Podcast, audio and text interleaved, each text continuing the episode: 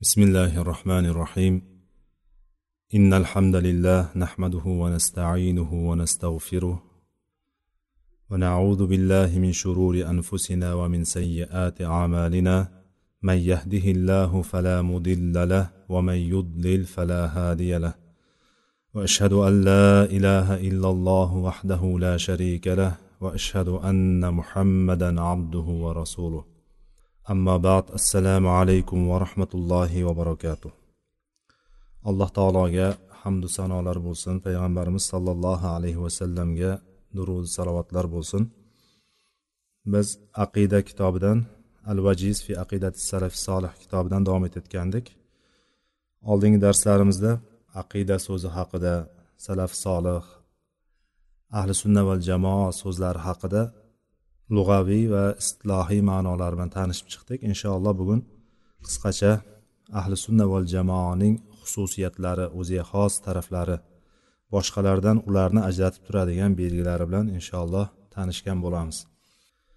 Ahli sunna val jamoa payg'ambarimiz sollallohu alayhi vasallamni va u kishining sahobalari payg'ambarimiz sollallohu alayhi vasallamga ergashgan sahobai kiromlar va ularga ergashgan tobeinlarning yo'llarini tutgan ularga e'tiqod so'z va amalda ergashgan ularni yo'llaridan yurgan hamda mana shu ergashishliklarida sobit qadam turgan kishilardir. Sabot bilan turgan va bidatlardan uzoq turgan kishilar hisoblanadi. Ya'ni payg'ambarimiz sollallohu alayhi vasallamga sahobalarga va tobeinlarga ergashishlikda mustahkam turgan kishilar va bu ergashishlik nimalarda bo'lyapti?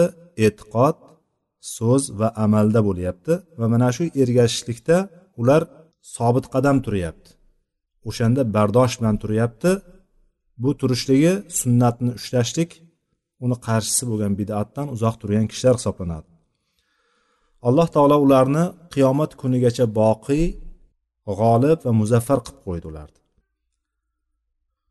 Shunday ekan ularga ergashishlik hidoyat ularga qarama qarshi bo'lishlik ularga muxolifat qilishlik xilof qilish esa zalolat hisoblanadi.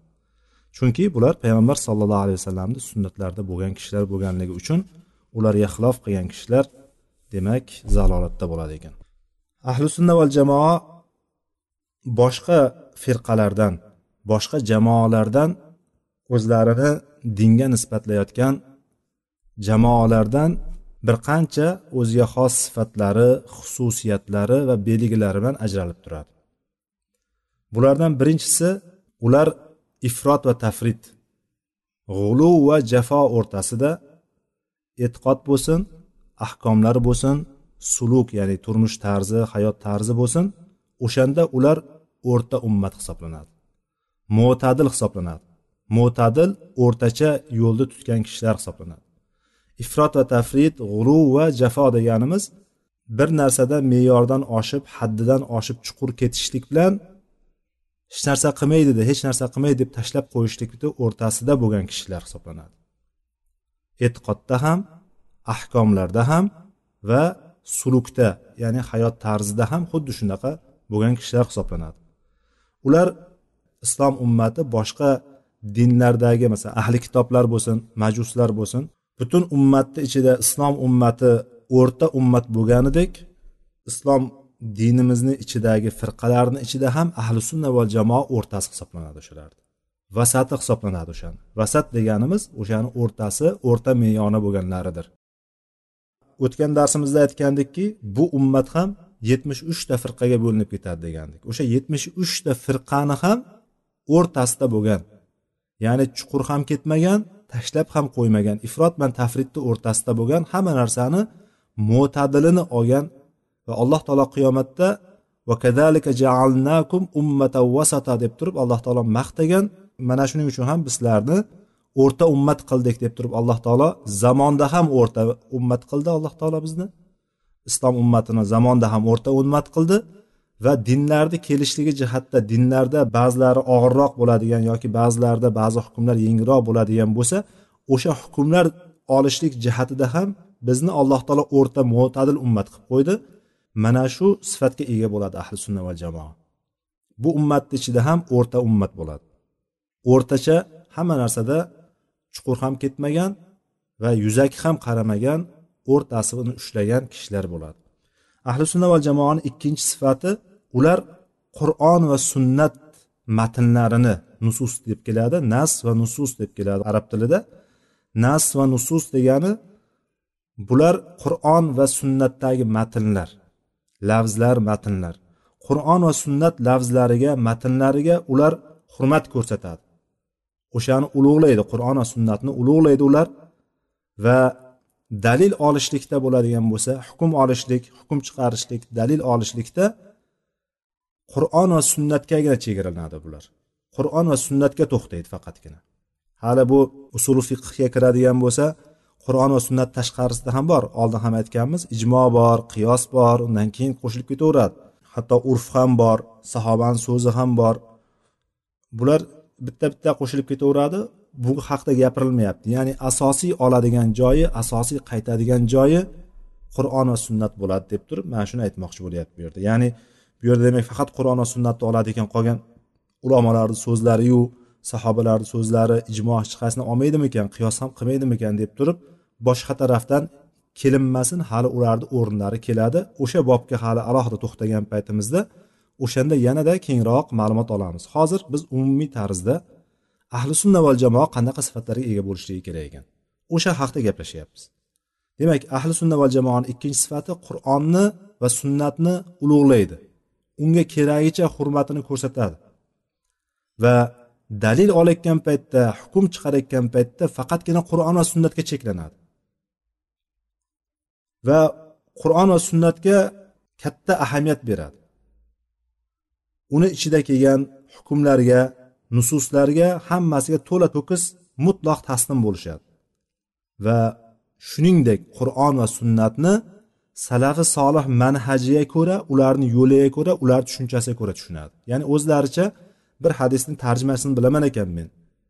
Tarjima qilingan hadisni olib yoki tarjima qilingan qur'onni olib turib bu demak shunday ekan deb turib hukm chiqarmaydi o'zicha. Bu oyatda nima nazarda tutilyapti? Bu hadisdan nima nazarda tutilyapti?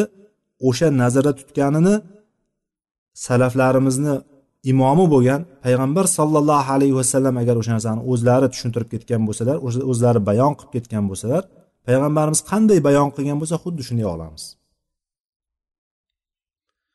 Yoki payg'ambar sollallohu alayhi vasallamni so'zlarini yoki oyatlarni payg'ambarimiz sahobalari va sahobalarga ergashgan tobeinlar payg'ambarimiz bunday degandi bu gapi bilan. Mana shu mana shunga tushadi deb turib ular bayon qilgan bo'lsa xuddi o'shanday tushunamiz. Bo'lmasam qur'onni ham hamma o'zicha tushunadigan bo'lsa hadisni ham hamma o'zicha tushunadigan bo'lsa hamma o'zicha fikr raylariga ergashib turib o'zini fikrini hamma bayon qilaveradigan bo'ladigan bo'lsa hamma tomon hozirgi kundagidek parokanda bo'lib ketadi. Aytda bittasi chiqadida aytadiki bu qur'onda namoz yo'q qur'ondagi aytgan namoz bu namoz emas deydi. Hozirgi kunda o'qilinayotgan namoz emas deydi. Yoki hatto tahorat olayotgan paytda ham o'sha oyatni bitta harfini bitta harfni harakatini harf ham emas harakatini boshqacha qilib o'qishligi bilan oyoqlariga shunday mahs tortsa bo'laveradi. Ya'ni oyoq oyoqni ustida hech narsa kiymagan bo'lsa shu e, ochiq oyoqqa mahs tortsa bo'ladi degan hukmlarni chiqaradigan odamlar chiqadi. Agar biz qur'on va sunnatni salafi solih tushunchasiga ko'ra tushunmaydigan bo'lsak ularni manhajiga ularni yo'llariga ko'ra tushunmaydigan bo'lsak mana shunaqa katta katta ixtiloflar chiqadi. Ahli sunna mana shu ixtiloflardan bu tarafda bo'lib turib o'shanga hurmatini ko'rsatadi. Hukmlarni faqat qur'on va sunnatdan oladi. Katta ahamiyat beradi. Va matnlariga to'la to'kis umumiy tarzda taslim bo'ladi. Shuningdek uni faqatgina salif solih tushunchasiga ko'ragina qabul qiladi. O'shanday deb tushunadi. Bundan nariyog'iga o'tmaydi. Undan keyingisi uchinchisi ahli sunnaning ya'ni uchinchi sifati bu yerda sanalayotgan uch ikki uch deb aytmasak ham bo'laveradi aslida. Muallif ya'ni bu yerda raqam qo'ygan ekan raqamni aytsakda ham bir zarari bo'lmaydi aytmasak ham bir zarari bo'lmaydi. Ya'ni ketma ketlik shunday ketma ketlikda bo'lishligi kerak ekan mana shunday tushunib olishligimiz kerak ekan emas. Umumiy tarzda ular nimalarga ega ekan degan narsani umumiy tushunishlik uchun bu yerda raqam qo'yilgan ajratilgan bir biridan ular ahli sunna val jamoa hamma gapi olinadigan va uni qarshisida bo'lgan ya'ni uni aytganlariga teskari bo'lgan narsalarni tashlanadigan ya'ni boshqalarni fikrlari tashlanadigan ulug' bir imomi yo'q ularni bironta. Payg'ambar sallallohu alayhi vasallamdan boshqa. Ya'ni aytgani aytgan degani degan nima desa shu deb turib hozirgi kunda ba'zi birlar e, mushtahid mutloq deb turib ba'zilariga ergashib ketganidek yoki buni badiu zamon deb turib zamonni o'sha yangilovchisi mana shunaqa zamonda oxiriga kelgan e, yuz yilni ichida kelgan mana shuni badiu zamon deb turib o'shani zamonni yangilovchi Э, deb turib hamma narsa o'shaniki faqat shuni o'qishlik kerak dekkanday yoki e, ba'zilarni fikrlarini berib turib buni faqat aytgan aytgan degani degan nima qilsa shuni qilishlik kerak deb turib bidat qiladigan bo'lsa bidat ham qo'yib turing harom ishlarni qilayotgan bo'lsa ham e, bu shayxni bilgan bir bilgani bor deb turib indamay qo'yadigan emas bularni bittayu bitta hamma so'zi olinib uni qarshisida bo'lgan hamma so'z tashlanadigan bitta kishisi bor u ham bo'lsa payg'ambarimiz muhammad sallallohu alayhi vasallam hisoblanadi. Ahli sunnani imomi bitta. Hamma so'z payg'ambar sallallohu alayhi vasallamni so'ziga olib kelib turib solishtiriladi. Agar to'g'ri keladigan bo'lsa olinadi to'g'ri kelmaydigan bo'lsa tashlanadi. Mana shu. Ahli sunnani yo'li mana shu. Ular sunnatni odamlarni ichida sunnatni eng qattiq yaxshi ko'ruvchilar eng qattiq yaxshi ko'ruvchilar bo'ladi. Odamlarni ichida sunnatni eng qattiq yaxshi ko'ruvchilar bo'ladi. Payg'ambarimiz sollallohu alayhi vasallamni hayot tarzini u kishini aytgan gaplarini qilgan ishlarini odamlarni eng yaxshi biluvchi bo'ladi. Shuning uchun ular sunnatni eng qattiq yaxshi ko'ruvchilar ergashishlikda juda haris bo'lgan kishilar bo'ladi. Va sunnatni ushlagan kishilarga sunnat ahliga nisbatan eng yaxshi ko'ruvchilar jondan ham ko'ra yaxshi ko'ruvchi o'shalar do'st tushuvchi kishilar bo'ladi. Mana shu sifatlarga hozir sanayotgan sifatlarimizga demak o'zimizni bitta bitta qo'yib ko'raveraylik. O'sha qo'yilayotgan sifatlarga demak biz payg'ambar sallallohu alayhi vasallamni hayot tarzini bilamizmi? U kishini shakli shamoilini u kishini xulq atvorlarini ya'ni biz bilmaymiz emas biz umumiy tarzda bilamiz. Lekin bitta nuqtasi bo'lyaptiki biz boshqa odamlardan ahli sunna val jamoaga deb men nisbatlanyapmanmi men o'zimni ahli sunna val jamoaman deb davo qilyapmanmi demak payg'ambar sollallohu alayhi vasallamni yaxshiroq tanishligim kerak. U kishini hayot tarzi qanaqa bo'lgan aytgan gaplari qanaqa bo'lgan qilgan ishlari qanaqa bo'lgan o'shani bilgandan keyin inson yaxshi ko'rib qoladi. Tanimagan odamni inson yaxshi ko'ra olmaydi. Yaxshi ko'raman deb tilida aytishligi mumkin. Lekin uni holat tili qilib turgan ishi uni yaxshi ko'rmasligini ko'rsatib qo'yadi. Bir kishi men ahli sunnadanman men eng to'g'riman deb yurib agar sunnatga bee'tibor bo'layotganini ko'radigan bo'lsangiz demak u gapida yolg'onchi bo'ladi. Chunki u sunnatga agar o'sha sunnatni davo qilayotgan kishi bo'ladigan bo'lsa sunnatni mahkam ushlaydigan bo'lishligi kerak.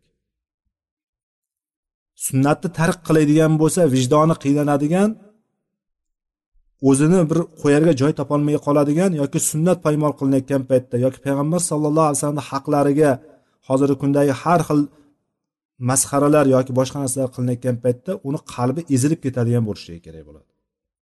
Nimadan? Payg'ambar sallallohu alayhi vasallamni yaxshi ko'rganidan sunnatni yaxshi ko'rganidan va odamlarni ichida eng o'shanga ergashishga haris bo'lgan kishilar shular bo'ladi. Odamlarni ichida eng haris bo'lgani bo'ladi. Demak siz qaraysiz sunnatga bee'tibor bo'lib turib yoningizda bittasi va bo'p ham bidatchi toifa bo'lib turganligini olimlar aytib turgan bir toifada bittasi sizdan ko'ra sunnatga qattiqroq bo'lib turadigan bo'lsa o'zingizni o'zingiz malomat qilishingiz kerak.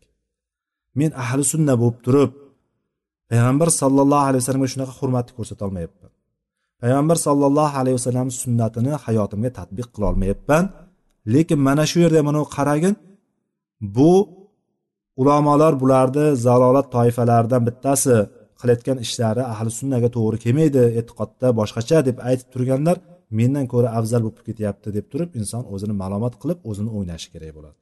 Demak ahli sunna va jamoani mana bu u yerda kelgan uchinchi sifati mana shunday ekan.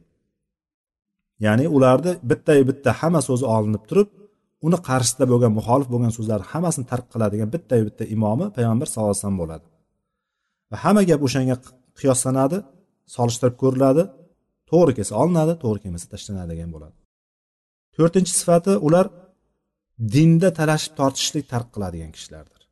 Dinda talashib tortishishlikni tark qiladigan va talashib tortishadigan mana shunaqa husumatchilardan uzoq bo'ladigan. Qayerda bo'lsa talashib tortishadigan qayerda bo'lsa sen bunday qilyapsan sizlar bunaqa qilyapsizlar imomlaring bundaqa bularing bundaqa ularing undaqa deb turgan odamlardan uzoq bo'ladigan kishilar. Bo'p ham ahli ilmlarga qarab turib tosh otayotganlarga qarab olimlarimiz biz bilgan shu paytgacha da'vatda maydonida yurgan o'zimizni ustozlarimiz deb bilgan imomlarimizga qarab tosh otayotgan kishilarni eshitib qoladigan bo'lsak ular bilan birinchidan o'shalar bilan talash tortishmaymiz husumatlashmaymiz o'sha tosh otayotganlar bilan. Ikkinchidan o'shalardan uzoq yuramiz. Ahli sunnani xususiyatlari mana shu. Husumatchilarni tark qiladi husumatlari tark qilgani dinda husumatlashmaydi o'zlari birinchi va husumat qilayotganlardan uzoq bo'ladi. Halol va harom masalalarida qur'onda kelgan hadisda kelgan halol va harom masalalarida jadallashuvga talashib tortishuvga bahslashuvga kirmaydi bular. Va dinga mukammal tarzda kiradi. Dinga komil suratda kiradi. Dinga butunicha kiradi. Dinga butuncha kiradi degani bir qismini olib ikkinchi qismini tashlamaydi. Hammasiga mukammal kiradi. Ba'zilar shu alisher navoiyga nisbatlab aytiladigan boyagi amo kishilar ko'zi ko'r bo'lgan kishilarni sayohatga hindistonga olib boribdi dedi. Hindistonga olib borgandan keyin filni ko'rgan voqeasi hammamiz eshitganmiz. Filni ko'rishadi. Filni ko'rishadi deganimiz ular ko'zi ko'rku ular qanday ko'radi? Filni ko'rsatiladi ularga. Fil ko'rsatilgan paytda kelib turib ular o'zlarini sezgi a'zolari bilan ularni his qilib olishligi kerak qanaqaligini tasavvur qilishligi kerak. Biz ko'rgan paytimizda tasavvurimizga shunday joylashadi. Lekin ular ko'rayotgan paytda sezgi a'zolari bilangina ko'ra oladi. Kelib turib ushlab ko'rishdi. Ba'zilar ustiga chiqaringlar meni dedi. Ustiga chiqarib ko'rishdi. Qarasa keng bir joyga o'xshadi. Keng ekan bu joy dedi. Ba'zilariga qulog'ini ushlatib ko'rishdi. Qulog'ini ushlab turib yumshoqqina bir narsa bo'lar ekan bu deb tasavvur qilishdi. Yana ba'zilariga oyoqlarini ushlab ko'rishdi. Oyoqlarimni quchoqlab ko'rib turib bular ustunga o'xshaydigan narsa bo'lar ekan dedi. Ba'zilari xartumini ushlashdi. Bu shlankaga o'xshagan bir g'alati narsa bo'lar ekan degan narsalar tasavvurlarni hammasi qaytib kelishdi borganda sizlar nima qanaqa taassurotlar bilan ko'rdilaringiz biz fil degan narsa ko'rsatildi bizga dedi. Xo'sh tasvirlab beringlarchi fil qanaqa ekan desa ba'zilari aytdiki ustiga chiqqanlari bu keng bir maydon bo'lar ekan desa bekor aytibsan dedi narigilar oyog'ini ushlaganlar. U keng maydonga o'xshamaydi u. U ustunga o'xshagan narsaku deyishdi. Qulog'ini ushlaganlar bo'lsa sen ikkaling ham bekor aytibsan bu narsa yumshoqqina bir narsa bo'ladi desa xortumini ushlaganlar xartumini ushlaganlar hammang bekor aytding bu mana shunaqa uzun bir shlankaga o'xshagan bir narsa bo'ladi deb turib tasvirlab beryapti ya'ni. Mana shu narsalar filni tasvirlab bergan paytda ular filni komil suratda tasvirlab bermaganligi bilan bular hammasi noto'g'ri tasvirlayapti. Filni butunicha tasvirlab bera olmaganligi uchun bir kishi eshitsa bir kishidan ya'ni oyog'ini ushlaganlardan eshitadigan bo'lsa filni tasavvur ko'rmagan odam filni tasavvur qila olmaydi. Uni ta, uni tarifi bilan tasavvur qila olmaydi. Qolganlarning ham xuddi shunday. Demak buni bir tarafi to'g'ri ikkinchi tarafi tarafi noto'g'ri bo'ladi. Filda o'sha qismlarni borligi to'g'ri bo'ladigan bo'lsa filni bir butun bo'lmaganligi noto'g'riligi bo'ladi. Bir butun bo'lmaganligi katta xato bo'lyapti bu yerda. Xuddi shuni misol qilinadi. Dinda ham inson bir qismini olib turib ikkinchi qismini tashlayotgan odamlar ikkinchi qismini ko'rolmayotgan kishilar xuddi mana shu amo kishilarga o'xshaydi. Birini ko'rib ikkinchisini ko'ra olmayotgan. Inson bir tarafga chuqur ketadigan bo'lsa bu tarafni ehmol qilib qo'yadi bu tarafni bee'tibor tashlab qo'yadi bu tarafini. Mana shunaqa emas ahli sunna val jamoa. Ahli sunna val jamoa dinga komil kirishadi. Dinga komil suratda kirishadi. Ya ayyuhallazina amanu dukhulu fis silmi kaffa deydi alloh taolo oyatda. Ey mo'minlar dinga mukammal komil suratda butunicha kiringlar deb aytadi alloh taolo bir qismini ol bir qismini tashlamanglar deydi. Mana shunaqa qilib turib mo'minlarga nisbatan xitob qilib turib dinga bor butun butunicha kiringlar dinni hammasini qabul qilinglar. Boshqa bir oyatda aytadiki afatuminuna bi ba'dil kitabi va takfuruna bi ba'd? فما جزاء من يفعل ذلك منكم إلا خزي في الحياة الدنيا ويوم القيامة يردون إلى شد العذاب وما الله بغافل عما تعملون deydi aytadiki sizlar kitobni ya'ni u kitob olloh tarafidan tushirilgan kitobni bir qismini ishonib ya'ni bir qismiga iymon keltirib yana bir qismini inkor qilasizlarmi dinimizdagi qaysi hukm bo'lishidan qat'iy nazar hammasi mana shunga tushadi Bittasi menga sal to'g'ri kelmayapti. Mana bu joyi meni sal o'xshamayapti. Bu narsasi og'ir ekan yoki deb turib boshqa taraflarini inkor qilayotgan odamni holati mana shunga o'xshaydi. Alloh taolo ularga kinoya bilan aytyaptiki savol tarzida kitobni ba'zisiga iymon keltirib ba'zisiga kofir bo'lasizlarmi? Kimda kim ya'ni orqasidan uni jazosini ham ko'rsatyapti alloh taolo. Natijasini ham oqibatini ham aytyapti. Oralaringizda kimda kim mana shu ishni qiladigan bo'lsa uni jazosi shu dunyoni o'zida rasvo bo'lishlik xor bo'lishlik. Xizyun fil hayati dunya. Mana shu hayoti dunyoda dunyo hayotini o'zida rasvo bo'ladi o'sha kishi. Qiyomat kunida esa ashaddil azab eng qattiq azobga duchor qilinadi. Alloh taolo sizlarni qilib turgan ishlaringdan g'ofil emas. Biz dinda qaysi bir narsada biz sustkashlik qilyapmizmi? Yoki ogimiz kelmayaptimi? Unagimiz kelmayaptimi shunga? Demak o'zimizni mana shu oyatga qo'yib olaveraylik. Qaysi hukm bo'lishidan qat'iy nazar? U fiqhiy hukm bo'ladimi? E'tiqodiy hukm bo'ladimi? Men ularni bitta bitta sanamayman. Chunki sanaydigan bo'lsak biz hozir darsimiz faqat shu bilan o'tib ketishi kerak. Soatlarcha shu haqida gapirishimiz kerak. Hamma bizni kirdikorlarimizni hamma nuqsonlarimizni o'rtaga chiqarishligimiz kerak. Hamma ayblarimizni ochib tashlashimiz kerak mana yerda? Lekin maqsadimiz u emas. Ahli sunna val jamoa demak biz ahli sunna val jamoa odamman deyapmizmi? Demak dinda husumatni tark qilamiz. Din ustida husumat qilishlikni din ustida talashib tortishni tark qilamiz va mana shu din ustida talashib tortishuvchilardan uzoq bo'lamiz. Halol va harom masalalarda bahsga tortishuvga kirmaymiz. Va dinga mukammal tarzda bor boricha kiramiz. Dinni hammasini qabul qilamiz. Mana shu ahli sunna val jamoaning sifati ekan. Undan keyingi sifati ahli sunna val jamoa salafi solihlarni va ularning imomlarini salafi solih imomlarini ya'ni salafi solihlarni va aimmatihim ularning imomlarini hurmat qiladi hurmatini joyiga qo'yadi. Oyoq osti qilib tashlamaydi. Abu hanifa nimani biladi dedi. Abu hanifa qur'ondan biladimi? Demaydi. Ya'ni hozirgi kunda eshitayotgan quloqlarga chalinib turgan va o'zlarini da'vat maydonida yurganman deganlar o'shalarni ustiga oyog'ini qo'yib turib tepaga chiqishni xohlaydi. Chunki katta katta odamlarni oyoq katta katta odamlarni oyoq osti qiladigan bo'lsa odamlarni nazarida ye bu shunday katta olimlarni mana shunday qilib turib ularni xatolarini to'vib tashlayaptimi demak bu shunday katta olimlarni xatolarini shu to'p tashlayotgan bo'lsa ancha olim ekan degan narsani odamlarni o'rtasida fikriga singdirmoqchi bo'ladi.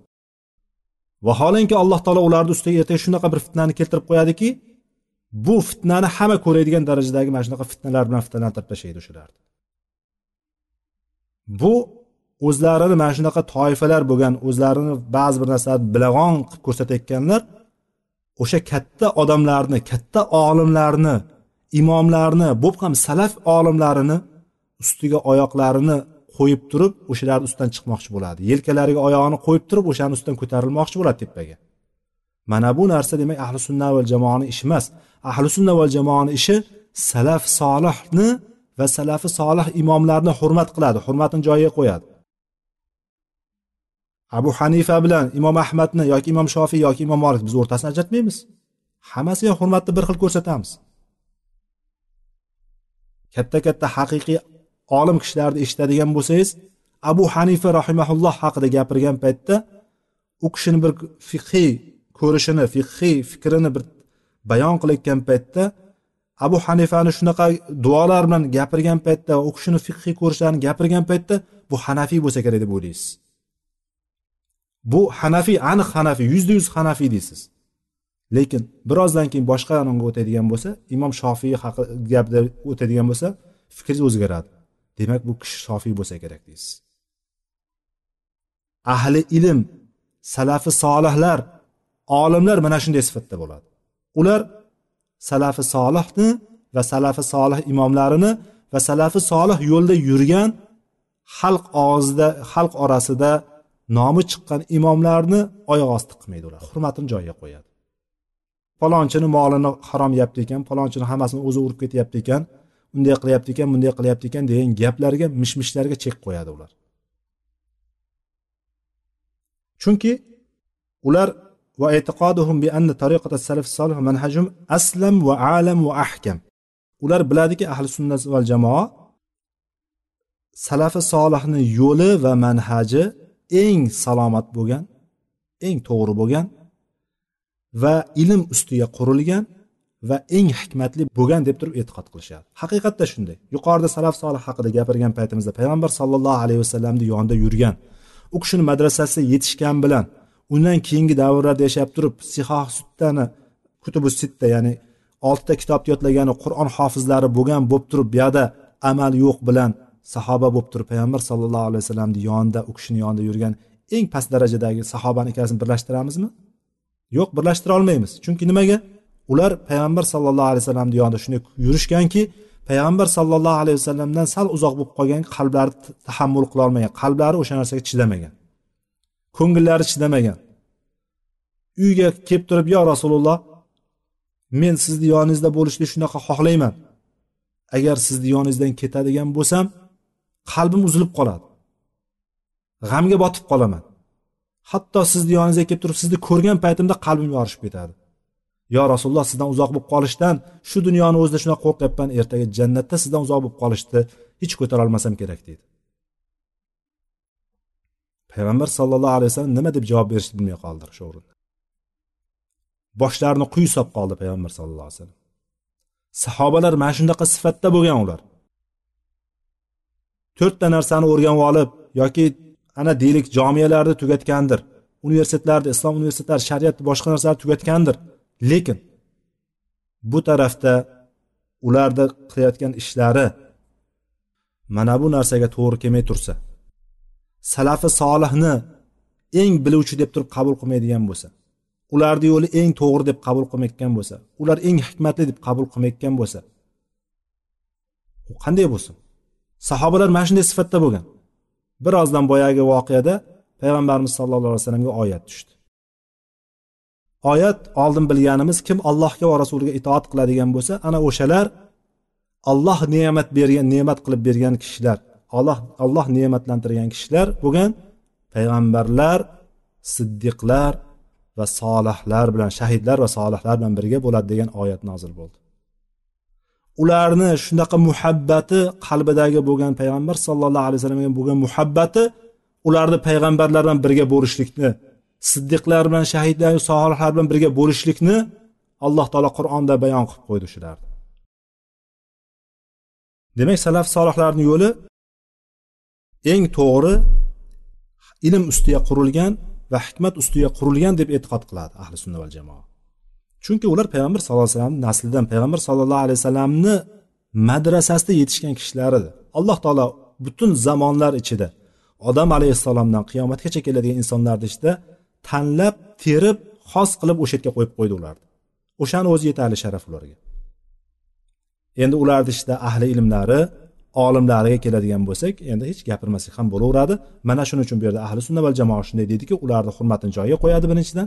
Undan keyin ularni yo'llari eng to'g'ri ilm ustiga qurilgan hikmat ustiga qurilgan deb turib e'tiqod qilishadi. Undan keyingisi oltinchisiga keldik a ahli sunna val jamoa naqlni aql ustiga muqaddam qo'yadi naql deganimiz payg'ambar sallallohu alayhi vasallamdan kelgan payg'ambar sallallohu alayhi vasallam olib kelgan din ya'ni qur'on va sunnat degani. Naql degan paytimizda naql degani yetkazishlik. Payg'ambar sallallohu alayhi vasallamdan olib kelingan qur'on va sunnat deymiz. Qur'on va sunnatni aqldan oldin qo'yadi. Inson aqlni ishlatib ko'rish aqlni ishlatishga harakat qiladi. Inson borki aqlni ishlatishga harakat qiladi. Bo'lib ham falsafa o'qiganlar falsafani hozirgi kunda butun dunyoga o'sha tarafda bosib kelayotgan g'arb madaniyatini kirib kelishligi oldingi yunon e, falsafasini kirib kelishligi insonlarni mana shunaqa fikriy dunyoqarashlarini ostin ustun qilib tashladi. Ular hamma narsani aqlga qo'yib ko'rishlikka harakat qiladi. Hamma narsani aqlga qo'yib ko'rishlikka harakat qiladi.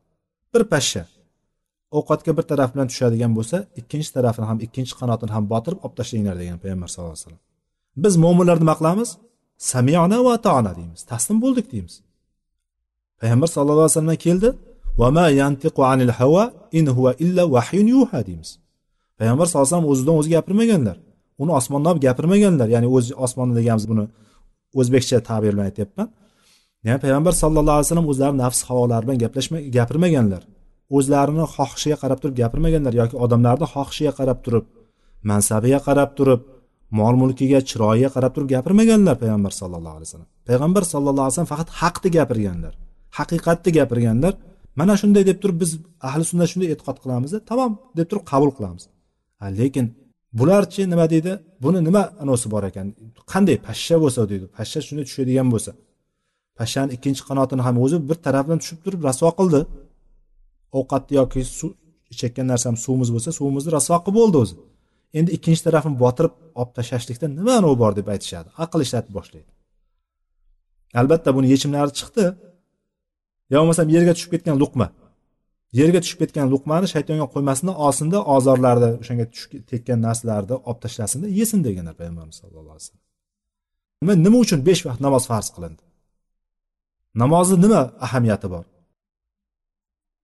Ro'za tutishlik. Ba'zilar ro'zani olib kelib turib to'g'ri tabobatni inkor qilmaymiz.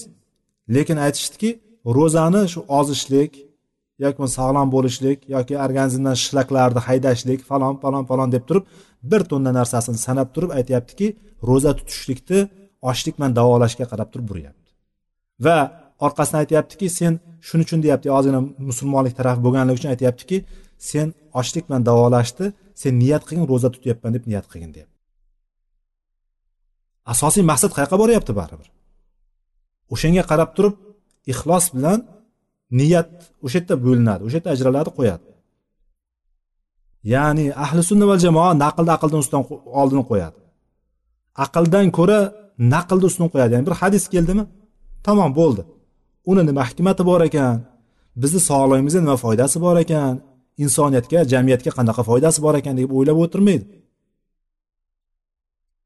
Oson. Shariat oson. Bizga bo'ysunishlik itoat qilishlik keldi biz amanna deymiz tamom. Samiana va tona deymiz. G'ufronaka deymiz orqasidan. Kamchilik va xato qilib qo'yadigan bo'lsak o'sha buyruqni qilayotgan paytda kamchilikka nuqsonga yo'l qo'yadigan bo'lsak allohim bizni kechirgin deymiz. Mo'min deshi shu. Aqlni naqldan ustun qo'yganlar nimaga borib qoldi? Buni nima hikmati bor? Nimaga aynan shunday bo'lib qolibdi nimaga xotinlarni haqqi erkaklarni haqqidan kamroq? Ya'ni demoqchi bo'lganimiz erkaklar bilan xotinlar teng huquqli emasmi? U bilan baravar ishlashga baravar yurishga baravar gapirishlikka haqli emasmi deydi aqlni naqldan ustun qo'yadi. Ar rijalu qavvamuna alan nisa degan oyatni inkor qilishadi. Erkaklar ayollarni ustida rahbardirlar degan oyatni ular inkor qilishadi. Sen ishlasang men ham ishlashga haqqim bor deydi. Sen yuradigan bo'lsang ko'chada yuradigan bo'lsang bozorga boradigan bo'lsang sendan bir kam joyim yo'q men ham qilaman deydi. Bu yerda aql ishlatilyapti.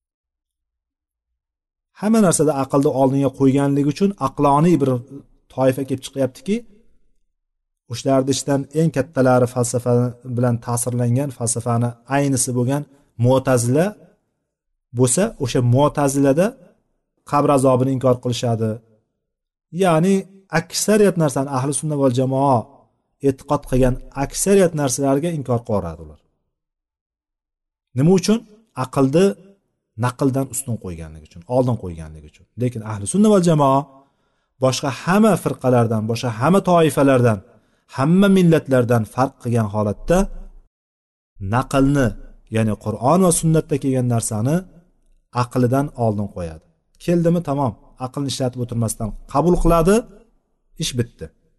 O'sha salomat qolgan joyi o'sha. Aqlini o'sha naqlga olib borib turib bo'ysundiradi.